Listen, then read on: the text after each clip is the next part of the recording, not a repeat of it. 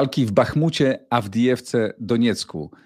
Informacje niepotwierdzone o wycofywaniu się wojsk rosyjskich z Hersonia. Co się dzieje na froncie?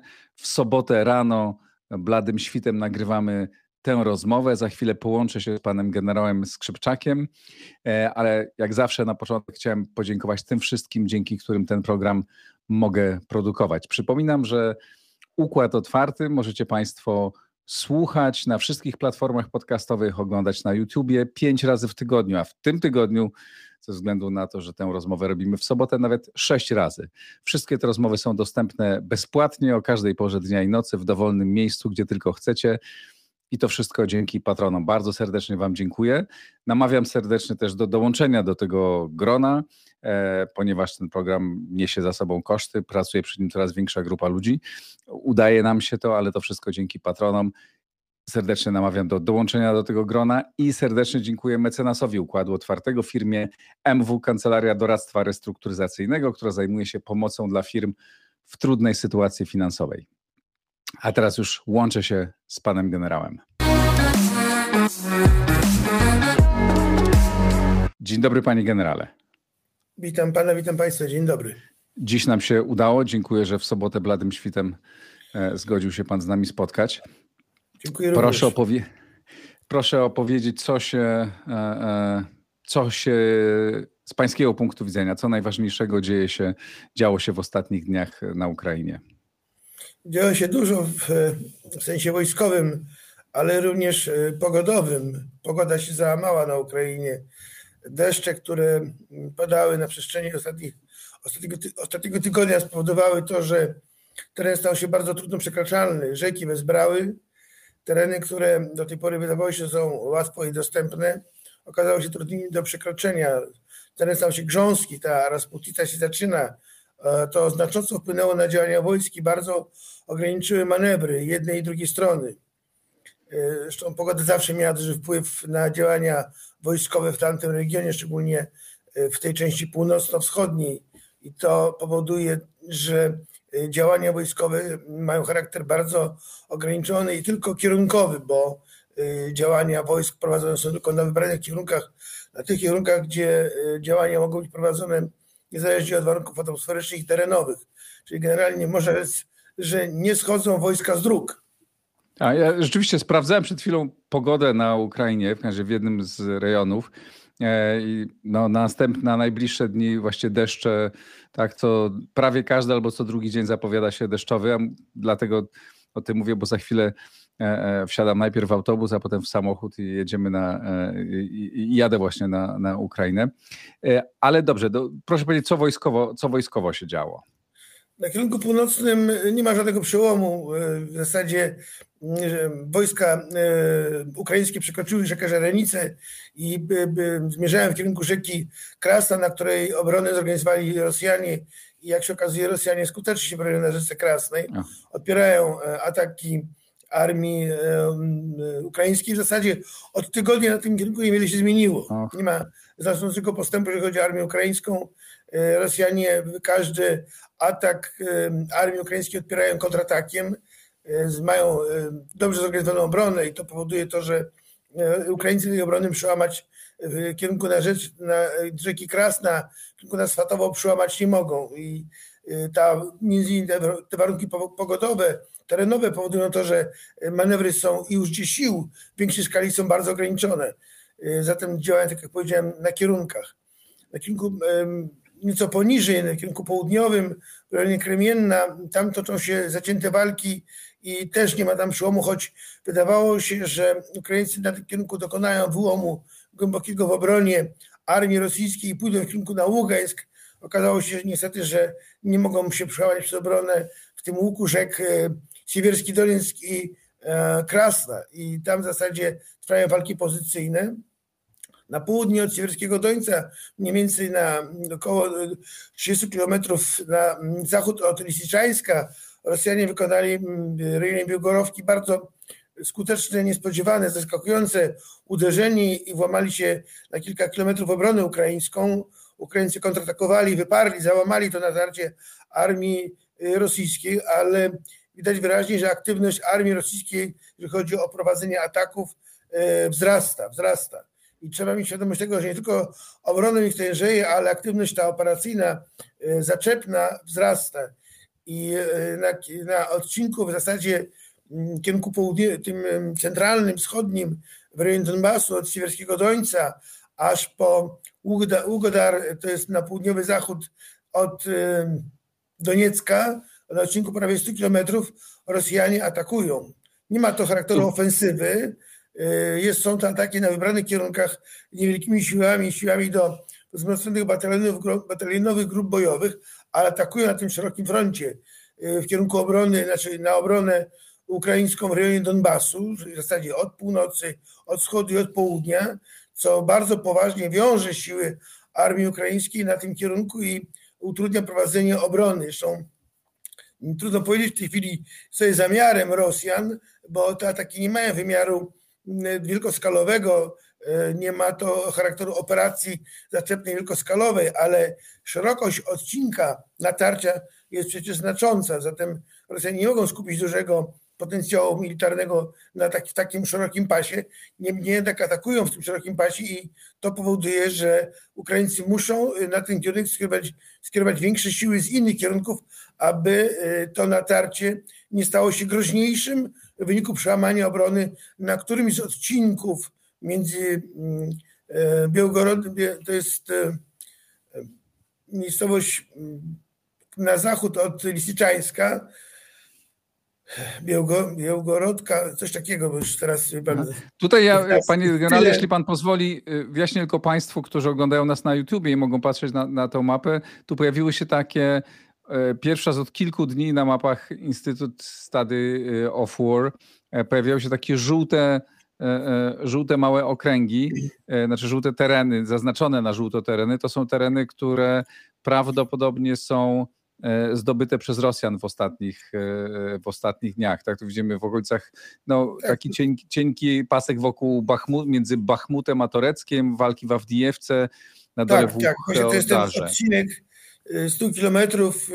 Nazwij miejscowości są nieistotne, bo ich jest taka tak. mnogo i że trudno się ich uczyć. Natomiast niepokojące jest to, że na tym odcinku 100 kilometrów prowadzą działania zaczepne i ta mapa to potwierdza, że rzeczywiście Rosjanie próbują. Tylko powtarzam, ma to na razie wymiar taktyczny, ponieważ Rosjanie nie kumulują wysiłku na jednym, dwóch kierunkach, tylko mnogość tych kierunków, a tych kierunków jest według mojego szacunku 11 lub 12 nawet, gdzie prowadzą te działania, gdzie prowadzą ataki, działania nawet nie zaczepne, tylko atak, atakują, to powoduje, że mają rozproszony wysiłek i nie ma jakiegoś zasadniczego celu operacyjnego, który by wskazywał, że Rosjanie chcą na przykład przełamać na jednym kierunku obronę armii y, ukraińskiej i dokonać jakiegoś kluczowego okrążenia, chociażby wyjść na tą sławną linię Słowiec-Kramatorsk, co było zawsze zamiarem armii rosyjskiej. A zatem sytuacja jest niezwykle skomplikowana. Ona się pewnie w ciągu najbliższych dwóch, trzech dni wyjaśni, bo moim zdaniem możliwości zaczepne armii rosyjskiej nie są tak duże, jak się chyba Rosjanom wydaje, skoro tak na tak szerokim froncie atakują, ale jest to sytuacja pewno niepokojąca Ukraińców, dlatego też oni muszą na ten kierunek wrzucić większe siły z uwagi na to, że muszą to działania e, nieofensywne, ale te ataki armii e, rosyjskiej zatrzymać. E, a proszę powiedzieć, czy to jest, że pamiętam jak w zeszłym tygodniu pan mówił o tym, jak krytykował pan Ukraińców za to, że rozpraszają się na trzech, atakują w, w, trzech miejscach jednocześnie, czy walczą zamiast skoncentrować się w jednym, ale rozumiem, że właśnie tego typu ataki y, y, rosyjskie na, tutaj na długości w tym przypadku około 100 kilometrów powodują, no, że oni tam muszą być, tak? Są związani i nie mogą przenieść się w inne miejsca. Tak, tak jak powiedziałem wcześniej, te, ten odcinek, na którym atakują Rosjanie 100 kilometrów y, na pewno wiąże znaczące siły armii ukraińskiej, Ukraińcy muszą na ten odcinek przerzucić większe siły, żeby to, tą groźbę zażegnać, bo trudno powiedzieć w tej chwili, jaki jest zamiar Rosjan, ale nie wynika z tego, z tych kierunków uderzeń, żeby to był zamiar o, o charakterze operacyjnym. Niemniej jednak jest to niepokojące i wydawało się, myśmy mówili o tym tydzień temu, że mm, Rosjanie, y, ich obrona tężeje i że oni gromadzą odwody, które wydaje się, i to widać wyraźnie, y, pozwalają im przejść do prowadzenia operacji, działań, działań bojowych o, o charakterze zaczepnym. I wydaje się, że To jest bardzo, moim zdaniem, dla zamiarów Ukraińców bardzo niebezpieczne, bo przecież Donbas jest w tej wojnie kluczowy. Łuk donbaski jest kluczowy dla, dla, dla sukcesów, które oceniamy wymiernie, jeżeli chodzi o armię ukraińską. Moim zdaniem mm, Rosjanie będą w tej chwili, po tym jak ich ta obrona stężała, po tym kiedy już byli najsłabsi, bo mówiliśmy u Pana we wrześniu, że e, Ukraińcy muszą tą szansę wykorzystać, jaką mają, a tą szansą było to, że armia rosyjska była we wrześniu najsłabszą.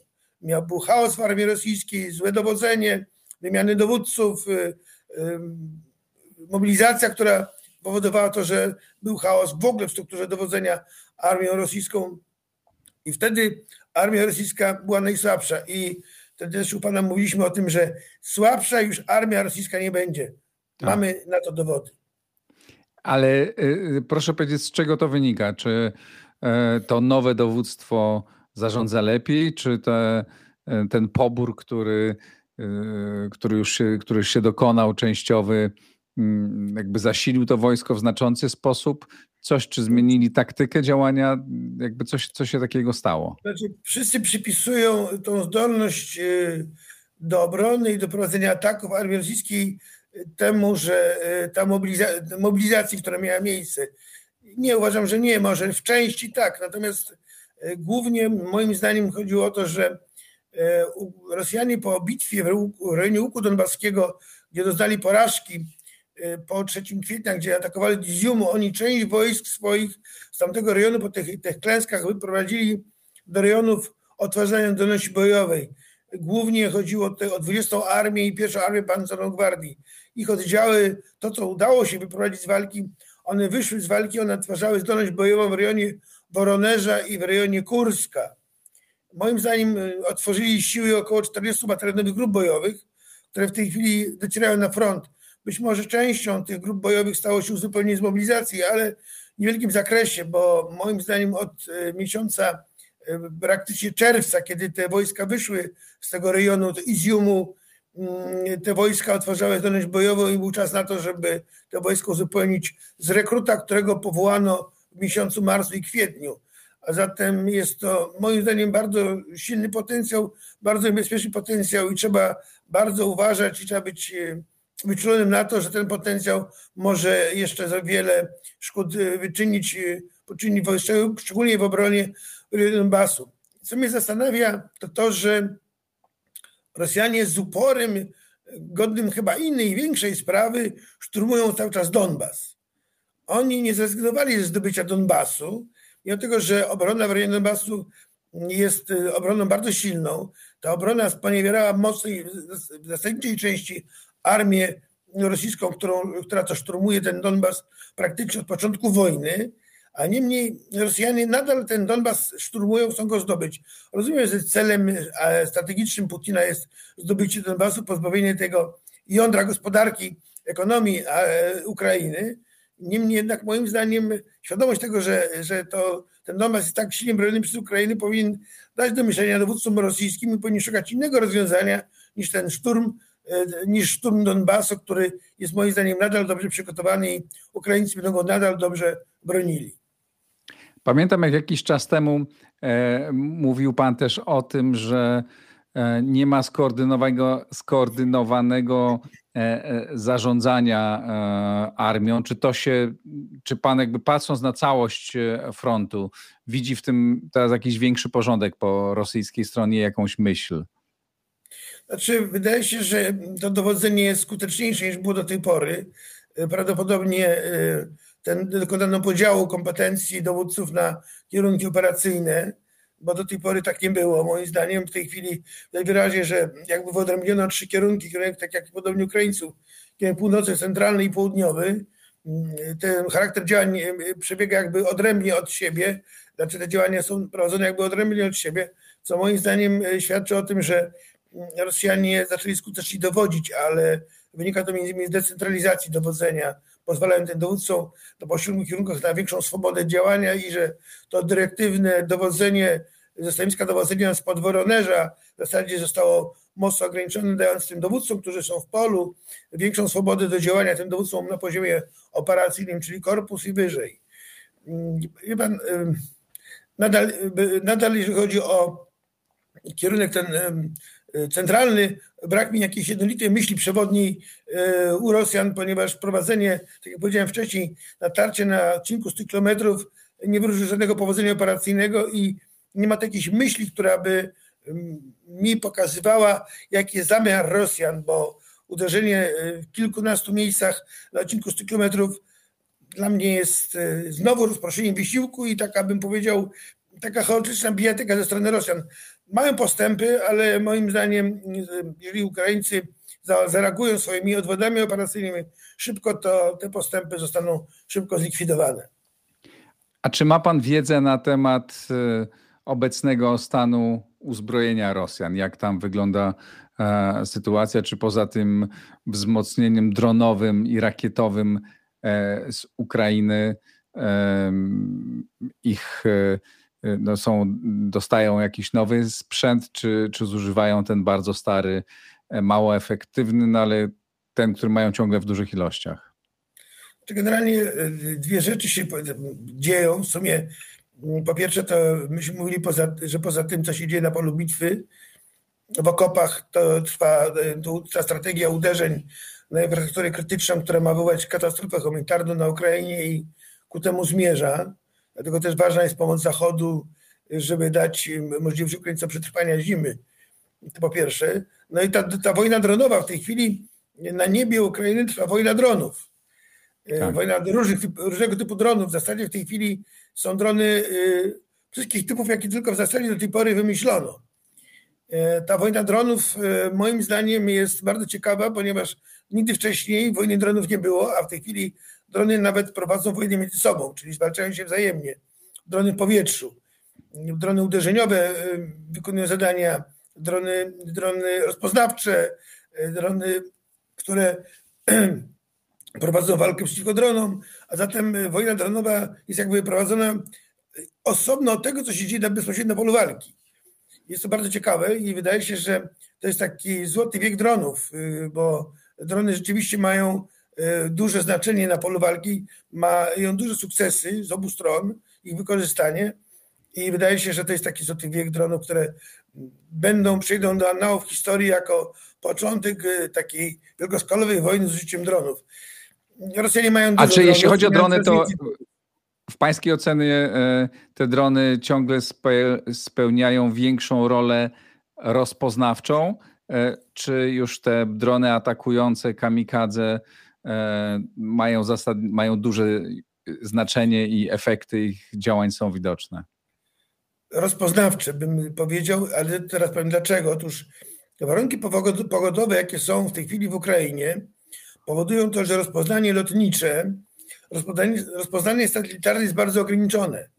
Niebo nad Ukrainą jest zasute ciemnymi chmurami, gęstymi chmurami, a więc rozpoznanie, to o którym powiedziałem, głównie satelitarne jest bardzo, bardzo ograniczone. A zatem jedynym dobrym, skutecznym rozpoznaniem gwarantującym przekazywanie wiarygodnej informacji jest rozpoznanie dronowe i ono jest kluczowe w tej chwili dla prowadzenia rozpoznania okrupowania przeciwnika Inne rozpoznanie w tej chwili ma bardzo ograniczone możliwości i jest nieskuteczne. E, przenieśmy się wobec tego na południe, bo e, jeszcze w, w, naszej analizie nie dotarliśmy do tego odcinka, który budzi, budził i budzi wiele emocji, czyli do obwodu hersońskiego. Dochodzi do nas bardzo wiele sprzecznych informacji. Z jednej strony mówi się o tym, że Rosjanie się wycofują e, z Hersonia, gdzieś tam znikają flagi. Właściwie jeszcze sprawdzałem przed naszą rozmową, którą podkreślam, nagrywamy w sobotę e, rano, jeszcze w nocy też pojawiły się jakieś informacje, że gdzieś tam jakieś wojska znikały, ale z drugiej strony są informacje takie, że wcale nie znikały. E, proszę powiedzieć, jakby o co może, co tam może się dziać, jakie są pańskie informacje, jaki może być sens tych ruchów rosyjskich? Nasza ocena sytuacji na przyczółku hersońskim w Hersoniu, którą zrobiliśmy u Pana dwa tygodnie temu się nie zmieniła. Sytuacja na przyczółku jest e, w zasadzie moim zdaniem e, stabilna. Wszystko to, co mówią media, to są spekulacje i dezinformacja wynikająca z wojny e, informacyjnej, obu stron prowadzonej. Pozycje na przyczółku hersońskim Rosjanie utrzymują swoje bojowe prowadzą skuteczną obronę. Ukraińcy dokonali wyłomu głębokiego w obronie rosyjskiej, mieli wcześniej dużo większe, dużo większe, bardziej znaczące postępy w zdobywaniu terenu na przyczółku niż mają teraz, czyli to tempo jeszcze bardziej spowolniało niż do tej pory miało miejsce. Uderzenia idą dalej wzdłuż zbiornika, wzdłuż zachodniego brzegu zbiornika kachowskiego w kierunku na Nową Kachowkę i oczywiście na Hersoń oraz wzdłuż y, Ingulca, rzeki, która dzieli ten przyczółek na dwie części. Moim zdaniem y, w tej chwili sytuacja jest dla Rosjan według rozwoju sytuacji operacyjnej o tyle dobra, że oni to, co uznali, że jest niepotrzebne na przyczółku hersońskim, wycofali. Więc to do tej pory się wycofywało z przyczółka, to nie uciekające w panice wojsko rosyjskie, jak to chcą niektórzy e, eksperci, tylko to wycofywano w sposób zorganizowany. Część oddziałów, które podlegały wymianie, czyli wycofano wojska te, które e, były zluzowane przez te siły, które na przyczółek dotarły jako nowe, to po pierwsze. Po drugie, wycofano część tyłów, które są tam niepotrzebne, bo przecież ten przyczółek się skurczył i taka utrzymywanie set, dziesiątek tysięcy żołnierzy na tym przyczółku nie ma sensu. W związku z tym wycofano część tyłów, wycofano e, elementy wsparcia medycznego, te, które już tam tej swojej misji nie spełniają. Wycofano część artylerii, która ma możliwości prowadzenia ognia z, ze wschodniego brzegu rzeki Dniepr i wspierać skutecznie wojska, dlatego że, powtarzam, mnogość wojsk na przyczółku to jest mnogość celów dla armii ukraińskiej. Dlatego też Rosjanie dokonali manewru części, wyprowadzili część wojsk za Dniepr. I nie to w panice, tak jak to chcą niektórzy, tylko po prostu w sposób, moim zdaniem, zorganizowany. Oczywiście Rosjanie mają wielki problem z utrzymaniem przepraw na Dnieprze.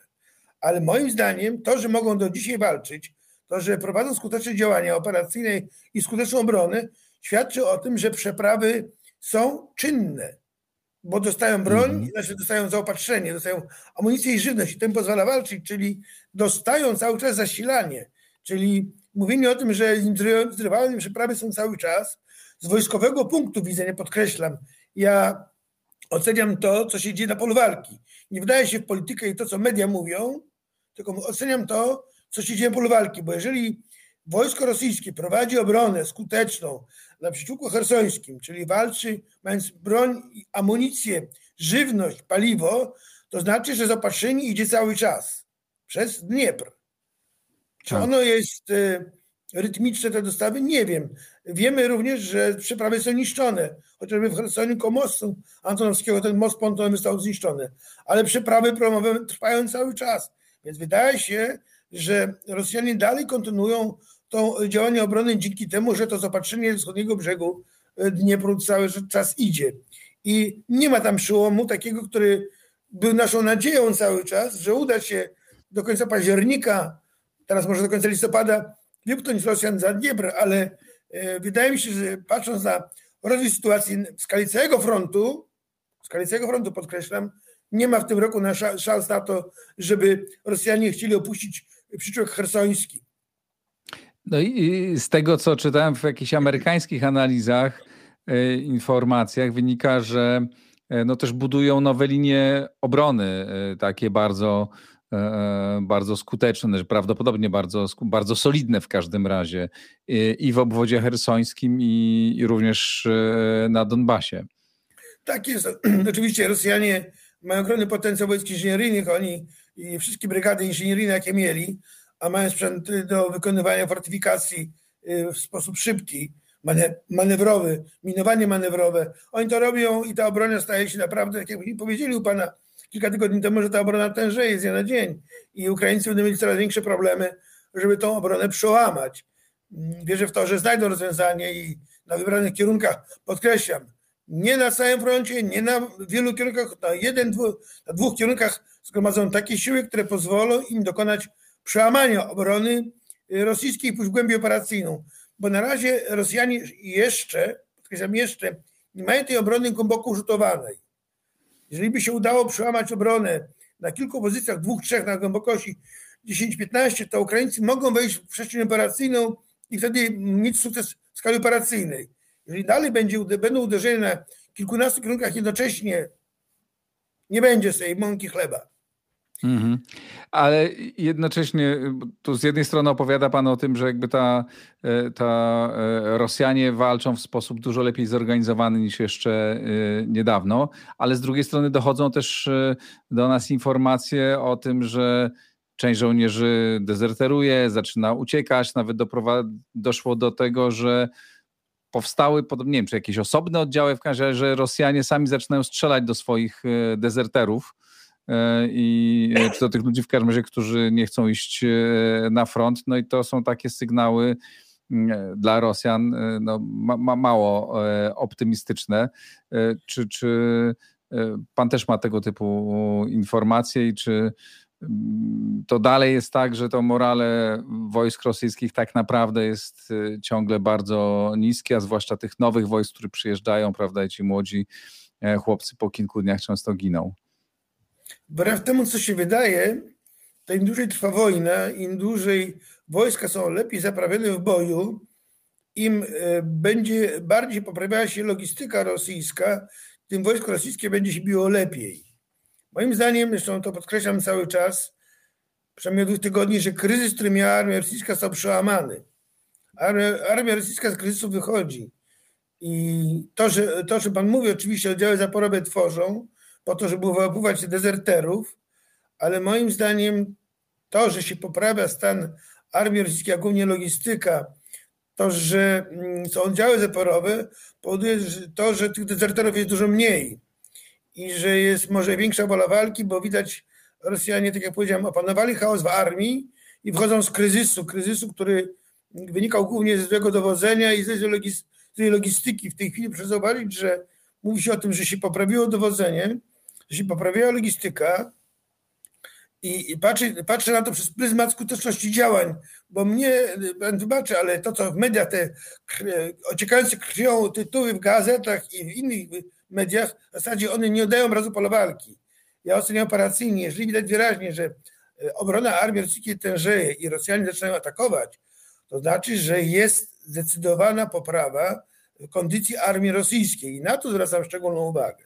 To jest niebezpieczne w kontekście tego, że my oczekiwaliśmy do końca tego roku jakiegoś znaczącego przełomu w tej wojnie na korzyść Ukrainy, ale tego przełomu nie będzie, prawdopodobnie z uwagi na to, że armia rosyjska opanowała chaos, opanowała sytuację w armii, że poprawiło się wiele rzeczy, które pozwalają armii rosyjskiej skutecznie prowadzić obronę.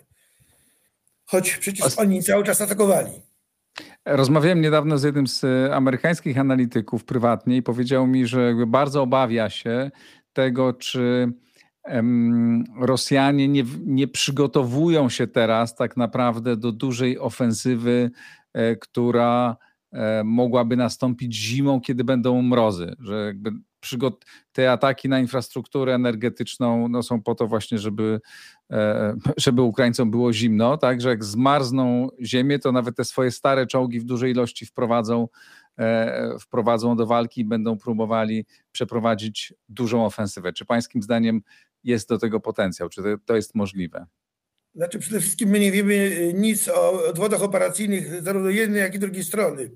Wiemy, mhm. że obie strony przygotowują się do E, zimy, że gromadzą siły i środki do tego, żeby mogły te wojska walczyć. Natomiast na pewno Rosjanie, korzystając z zasobów e, chociażby armii białoruskiej, przygotowują swoje odwody operacyjne, czy zamiarem wykonania zwrotu zaczepnego zimą, czy wiosną, choć wiosną moim zdaniem nie z uwagi na to, że teren nie pozwoli na prowadzenie operacji głębokich, a zatem albo zimą faktycznie, albo już latem, bo Moim zdaniem wcześniej innych warunków y, do tego nie będzie.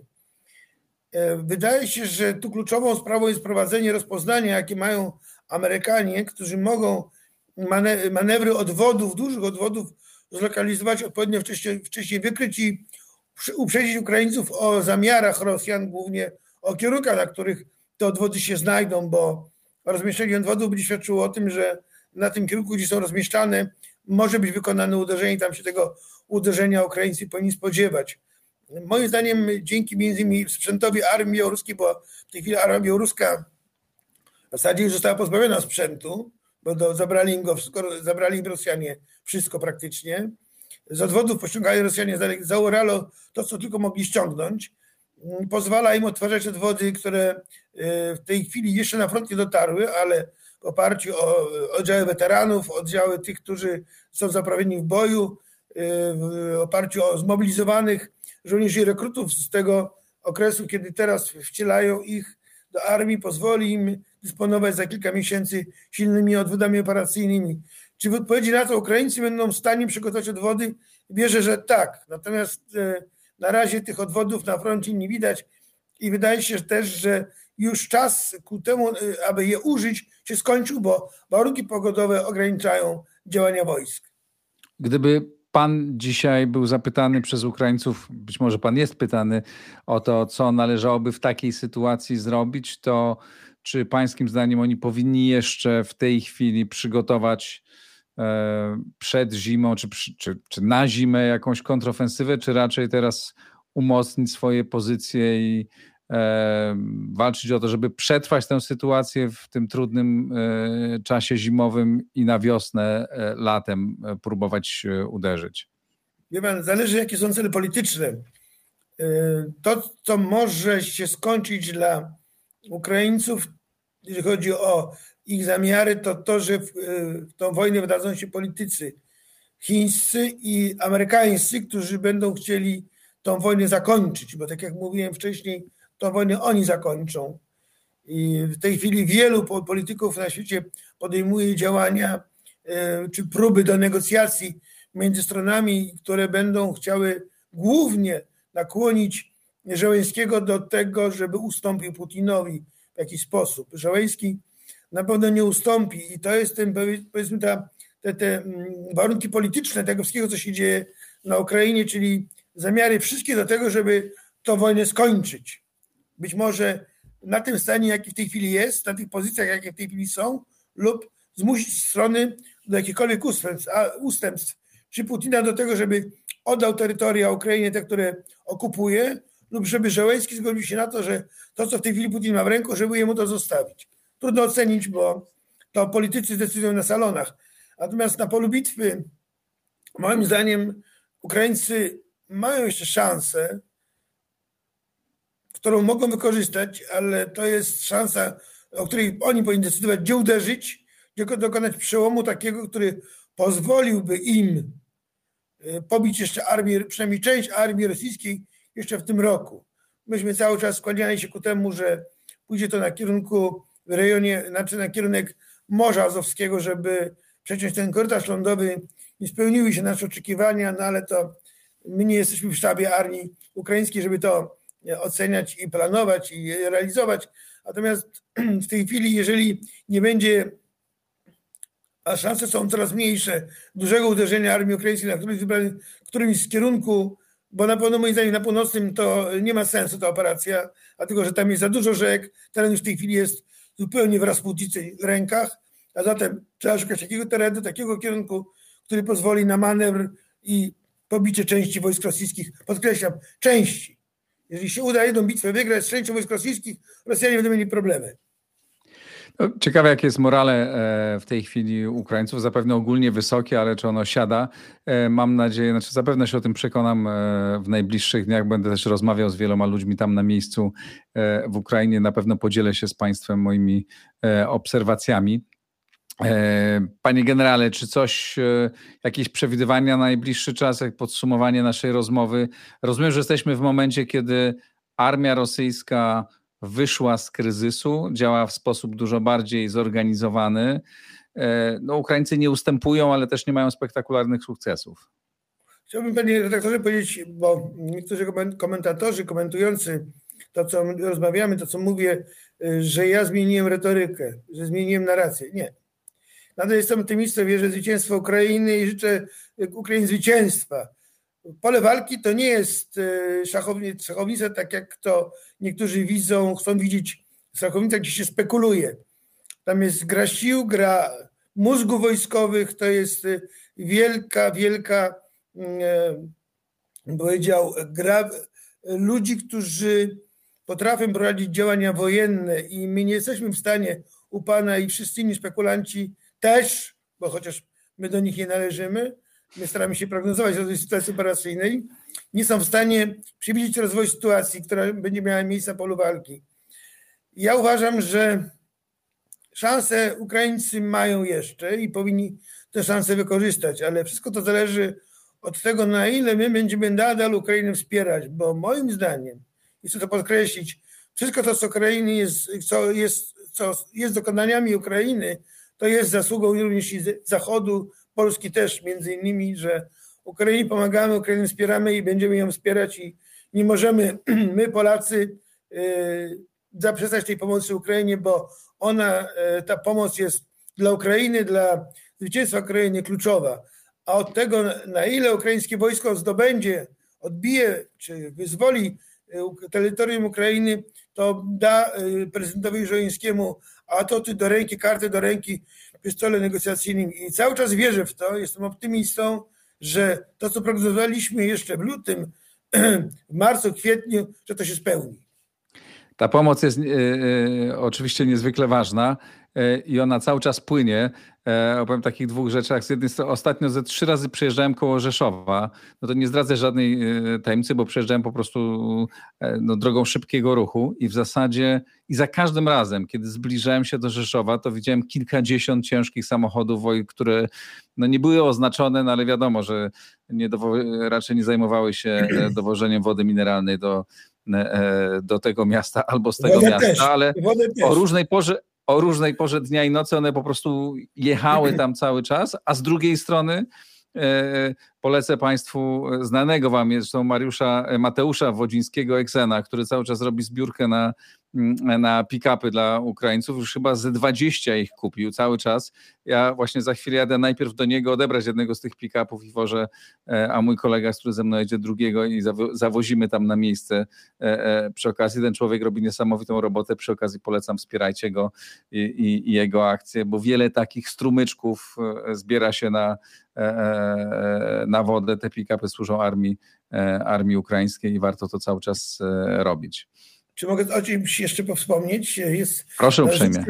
Na rzutce.pl na prośbę Ukraińców jest rzutka na łódź specjalną dla wojsk, dla Gwardii Narodowej, e, która broni się, w Herson, która działa w rejonie Hersonia, Gwardii Narodowej Armii Ukraińskiej jest rzutka na taką łódź specjalną, która w Polsce jest przygotowana dla nich i są zbierane pieniądze.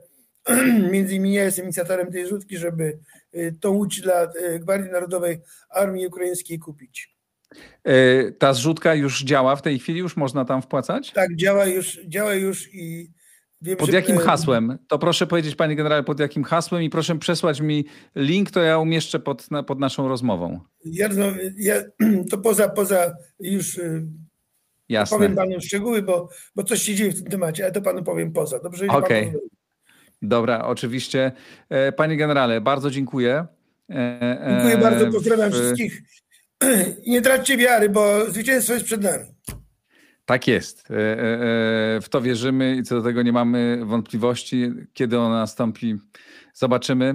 Bardzo panu dziękuję. Do zobaczenia za tydzień. Na dziś to wszystko. Pozdrawiam wszystkich serdecznie. Do zobaczenia i do usłyszenia.